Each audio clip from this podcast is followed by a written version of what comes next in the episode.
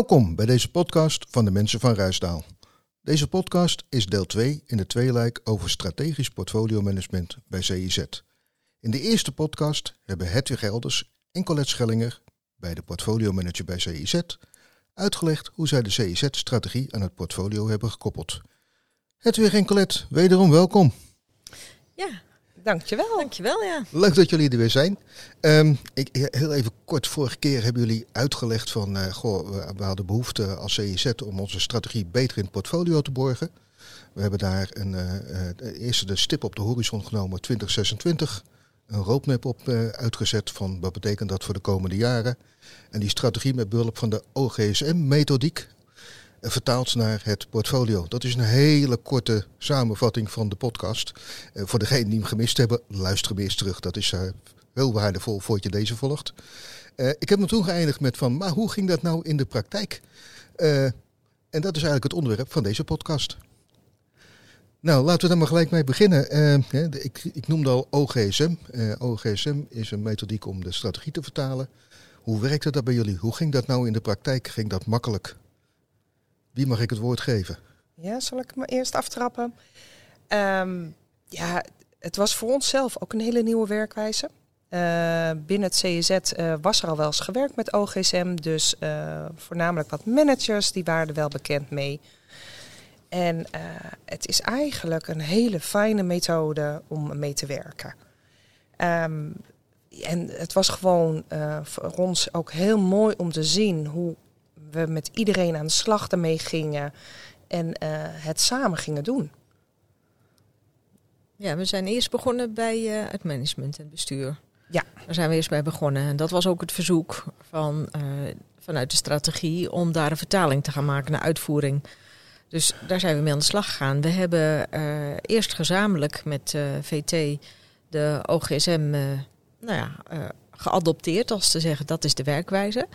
Uh, vervolgens uh, hadden we al vanuit uh, alle documentatie die er was, hadden we zes dromen geïdentificeerd. En elke droom kreeg gewoon twee OGSM-houders, noemen we dat. En dat zijn ook managers. Um, dus we zijn gewoon met die twee managers per droom aan de slag gegaan. het was voor ons allemaal nieuw, maar wij hebben ze begeleid, stuk inhoud gegeven, stuk proces gegeven. Uh, zij konden zich focussen op, uh, nou ja, per droom, per ambitie. Ja, welke doelen hoorden daar nu bij? Uh, het moeilijke was ook om echt concrete doelen te benoemen. Dus daar moest je af en toe wel even op doorpakken. Zo van, oké, je hebt wel een doel, maar hoe concreet, hoe meetbaar is die? Dus wij waren voornamelijk degene die het vanuit de werkwijze doorpakte. En zij konden zich focussen op de inhoud. Dus zo hebben we eigenlijk per ambities, zes ambities, hebben we alle doelen gevuld uh, met de strategieën. Zo van, hoe wil je dat dan bereiken? Ja, en daar zat de meeste uitdaging. Uh, de strategie gaat over het hoe. Hoe wil je je uh, ambitie en je goal bereiken?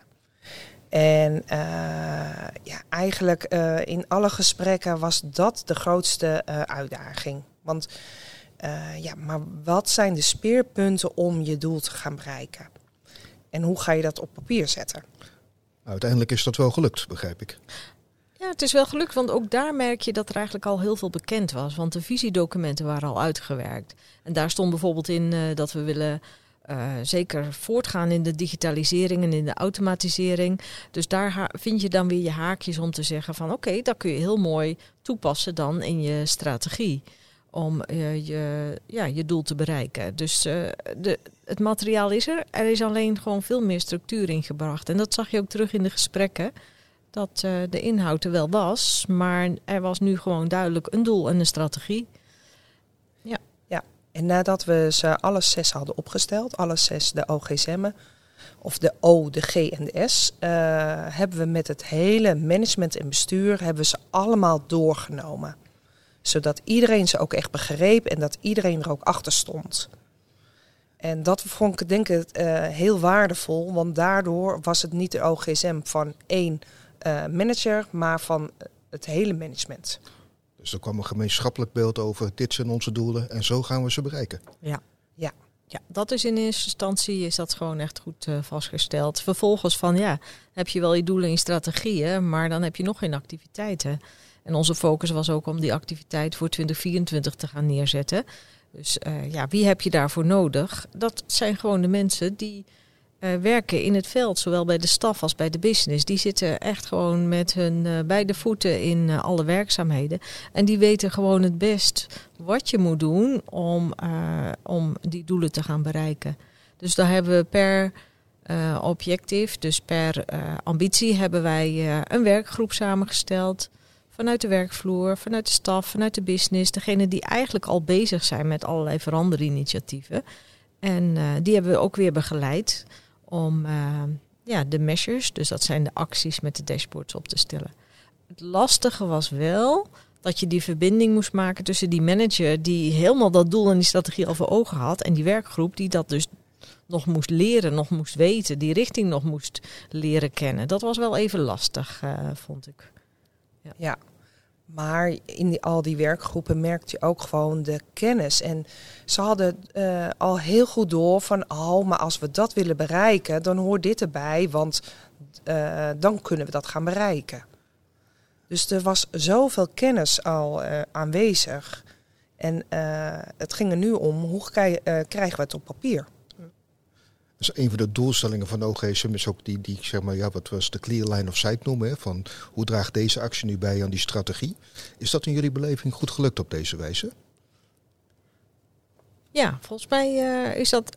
Uh, we streefden niet naar een 10 of een 8 of een 9. Hè? Dat uh, vooropstellend. Want voor een eerste keer is het voor ons allemaal een oefening. Dus nou ja, die, die 8 die, was nog niet haalbaar voor een eerste keer. We waren al heel erg tevreden als we echt een, een zesje zouden hebben. En bij sommige onderwerpen, zoals als het gaat bijvoorbeeld over uh, de doorlooptijd van indicatiestelling, uh, dat is echt goed meetbaar, dat is echt kwantitatief. Daar hebben we al een, uh, een KPI voor. Als je daar acties op zet, die zijn allemaal wat concreter, wat makkelijker. Daar loopt al heel veel op. Dus dat was wat makkelijker om te doen dan iets wat gaat over bijvoorbeeld professionals of organisatie. We merkten dat daar wat meer moeite mee was om daar echt wat concreter in te zijn. Um, dus het was uh, wisselend, maar uiteindelijk uh, waren we toch wel echt tevreden dat er uh, zo hard gewerkt is. Ja, en ik denk zowel wij als de werkgroep als het management waren er gewoon echt tevreden over. We moesten ze zelfs soms afremmen van jongens, het is voor nu ook even goed zo. Want ze wilden het toch verder verbeteren en toch nog aanscherpen. En op een gegeven moment moet je gewoon aan de slag ermee. Oké, want ik wou net zeggen, beter maken is nooit slecht, toch? Maar je zegt iets anders erachteraan, aan de slag. Ja, want je kan maar blijven praten over hoe moet je het op papier formuleren, maar het is een hulpmiddel. En het is een hulpmiddel om met je hele portfolio elk kwartaal aan de slag te gaan. Oké. En wat is dan het belangrijkste effect geweest van dat hulpmiddel? Uh, overzicht en de bijdrage van wat draagt nou bij om je doelen dit jaar, volgend jaar en het jaar daarna te gaan behalen. Nou valt mij op, hè, want uh, jullie zijn portfolio manager. Uh, portfolio managers zijn bezig, meestal bezig met de epics of de projecten die uitgevoerd moeten worden. Jullie hebben hier een hele andere rol gepakt. Jullie hebben hier een, een strategievertalingsrol gepakt. Of zie ik dat verkeerd? Klopt, voor ons gevoel is het er ook bijgekomen. Het is niet in plaats van, want we hebben al een goed draaiend portfolioproces dat is we hebben een kwartaal uh, zal ik maar zeggen, waarin we elk kwartaal uh, de portfolio prioriteren in de uitvoering. We werken agile safe.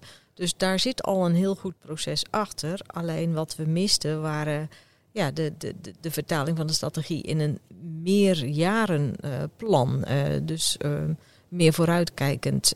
dat is voor ons nieuw en dat kwam er ook echt bij. Dat is een, een mooie aanvulling op het lopende proces. Ja, en onze kracht daarin zit juist het overzicht, het adviseren en iedereen erbij te helpen. Nou is mijn ervaring dat het niet zo vanzelfsprekend is dat dit van een portfolio manager verwacht wordt of zelfs maar geaccepteerd wordt dat ze dit doen. Waarom is dat bij jullie gelukt? Het ligt ook aan onszelf. Wij zijn beide uh, nogal uh, pragmatisch en uh, wij pakken aan en we pakken door. Dus wij beginnen gewoon altijd met hele kleine stapjes. onze intentie is uh, ook zeker op een agile manier van laten we het gewoon proberen met een klein stukje. Als dat goed bevalt, gaan we verder. We gaan niet een heel groot plan maken en dan aan een groot plan in een één keer omgaan.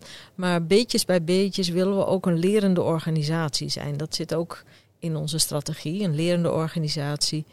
Ehm, en, en dat werkt, zien we. Want mensen ervaren het vaak door het te doen op een heel andere manier dan erover te praten van tevoren. En uh, ja, dat zit ook een beetje in onze natuur. En wij krijgen ook de ruimte binnen de organisatie om dat te doen. Dus dat is ook heel fijn. Dus dat uh, werkte wel. Ja, en het is een wisselwerking. We krijgen de ruimte, maar uh, we hebben die ruimte ook gekregen omdat men heeft ervaren dat het werkt. En vertrouwen. Is mooi hè, dus jullie hebben als portfolio manager een stukje ruimte gekregen en uh, jullie hebben daar een beter portfolio door gekregen. Is er nou nog meer veranderd rondom dat portfolio? Ik kan me zomaar voorstellen als die strategie een belangrijke rol gaat spelen, dat het invloed op heeft, heeft op besturing van je portfolio. Zeker, want sinds we begonnen zijn met die vertaling hebben we ook echt een verandermanager uh, uh, gekregen binnen het CIZ, een verandermanager. Die is ook verantwoordelijk voor die strategievertaling, voor die uitvoering, voor die realisatie van de strategie. Uh, daaromheen is er een strategieteam ook gekomen, die ook echt daadwerkelijk aan de slag gaat met uh, de besturing op die veranderportfolio. Uh, we hadden al een portfolio board en een proces. En die samenwerking met elkaar die is gewoon echt belangrijk geworden, omdat je elkaar nodig hebt. Dus ja. dat, dat is ook wel veranderd. Ja. En ook daarin zijn we steeds bezig om weer stappen vooruit te zetten. Het is weer uitproberen en uh, ja, wij leggen de lat voor onszelf ook steeds hoger om uh, verder te kijken hoe kunnen we nog verder verbeteren. En even wat ik hoor, strategieteam, portfolio, boord. Mm -hmm. Hoe moet ik die twee gremia zien? Het Portfolio Board is een uh, gremium, daar zitten ook uh, managers in. En uh, we hebben een portfolioproces, zoals ik al zei. We werken in een kwartaalkadans. Nieuwe initiatieven worden opgepakt in het portfolioproces, maar die gaan eerst ter besluitvorming voor in het portfolioboard om te kijken, draagt het bij aan de strategie, draagt het bij aan het werkplan, zo ja. Is het, nou, is het helder wat we willen bereiken, wat we opleveren, wanneer... Hoe groot is het? Uh, eigenlijk, wij noemen dat dan de faseovergang van idee naar Epic, want we werken met Epics. Daar besluit dus een portfolioboard aan. Die, die moet iets kijken of dat het echt bijdraagt aan de strategie. En uh, vervolgens ook uh, alle impediments die gedurende de looptijd van zo'n Epic boven water komen, ook die gaan door het portfolioboard om te kijken van wat betekent die impediment, welke impact heeft het? Moeten we bijstellen? Moeten we dingen stopzetten? Moeten we, hè, moeten we iets belangrijkers gaan doen? Dus dat is ook echt uh, uh, de sturing op het hele inhoudelijke deel van onze portfolio binnen het kwartaal. Ja, en het portfolioboard is echt het operationele uh, portfolio. Dus dat gaat over zowel de OGSM's, dus alle strategische onderwerpen, als alles wat uh, de enablers zijn, dus alle randvoorwaardelijke zaken. Okay. Ja, en een strategieteam, dat is echt de, de, onze portfolio die, uh, waarin alle activiteiten zitten voor de langere termijn op het, uh, op het portfolio. Dus over de, die kijken heel veel over de zes kwartalen heen. Zo van wat gaan we in de tweede helft 2024 doen? Wat gaan we in 2025 doen? Dus die zitten op een wat ver weg strategisch ja, aanpak. Oké, okay, dus je krijgt vanuit het strategieteam eigenlijk de kaders en de lange termijn richtlijnen aangegeven. En de portfolioboard operationaliseert dat samen met jullie in het portfolio. Ja. Klinkt mooi. Ja. Erg mooi. En even, als je nou terugkijkt op dit proces de afgelopen ja, maanden, wat, wat voor verrassingen zijn jullie nou tegengekomen? En dat mag zowel positief als negatief zijn?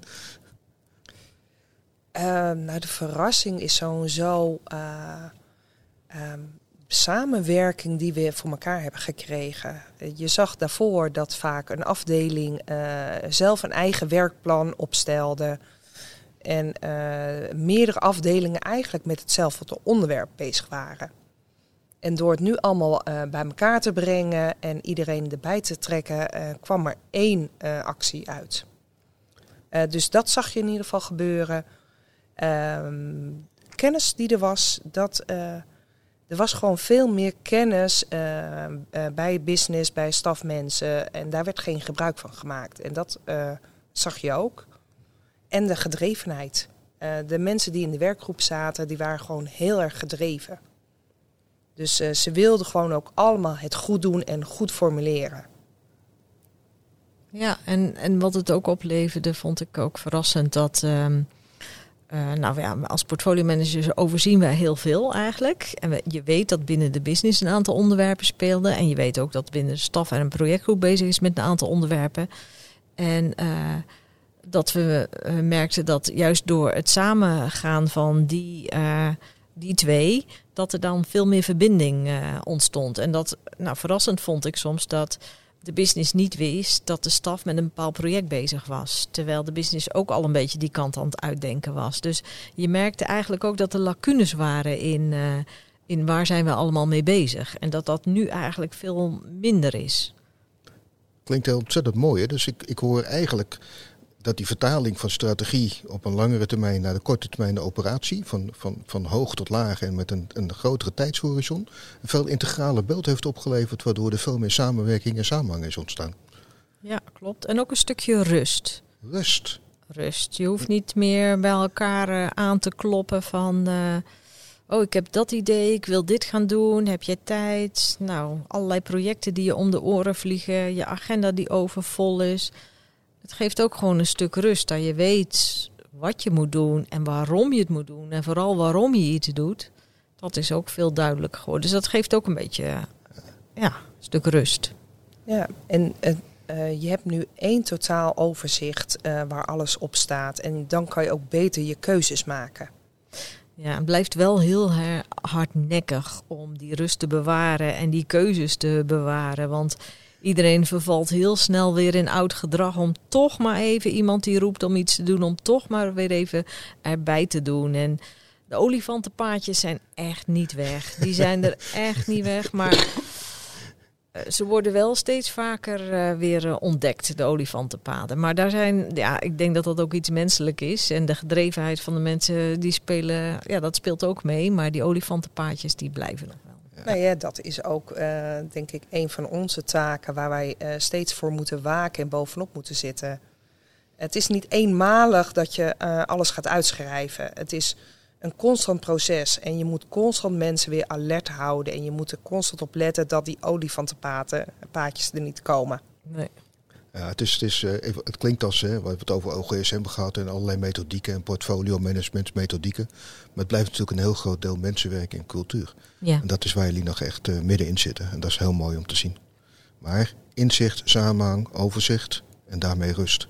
Ja. Dat is toch wel wat ik terugkrijg. Gun je iedere organisatie, hè?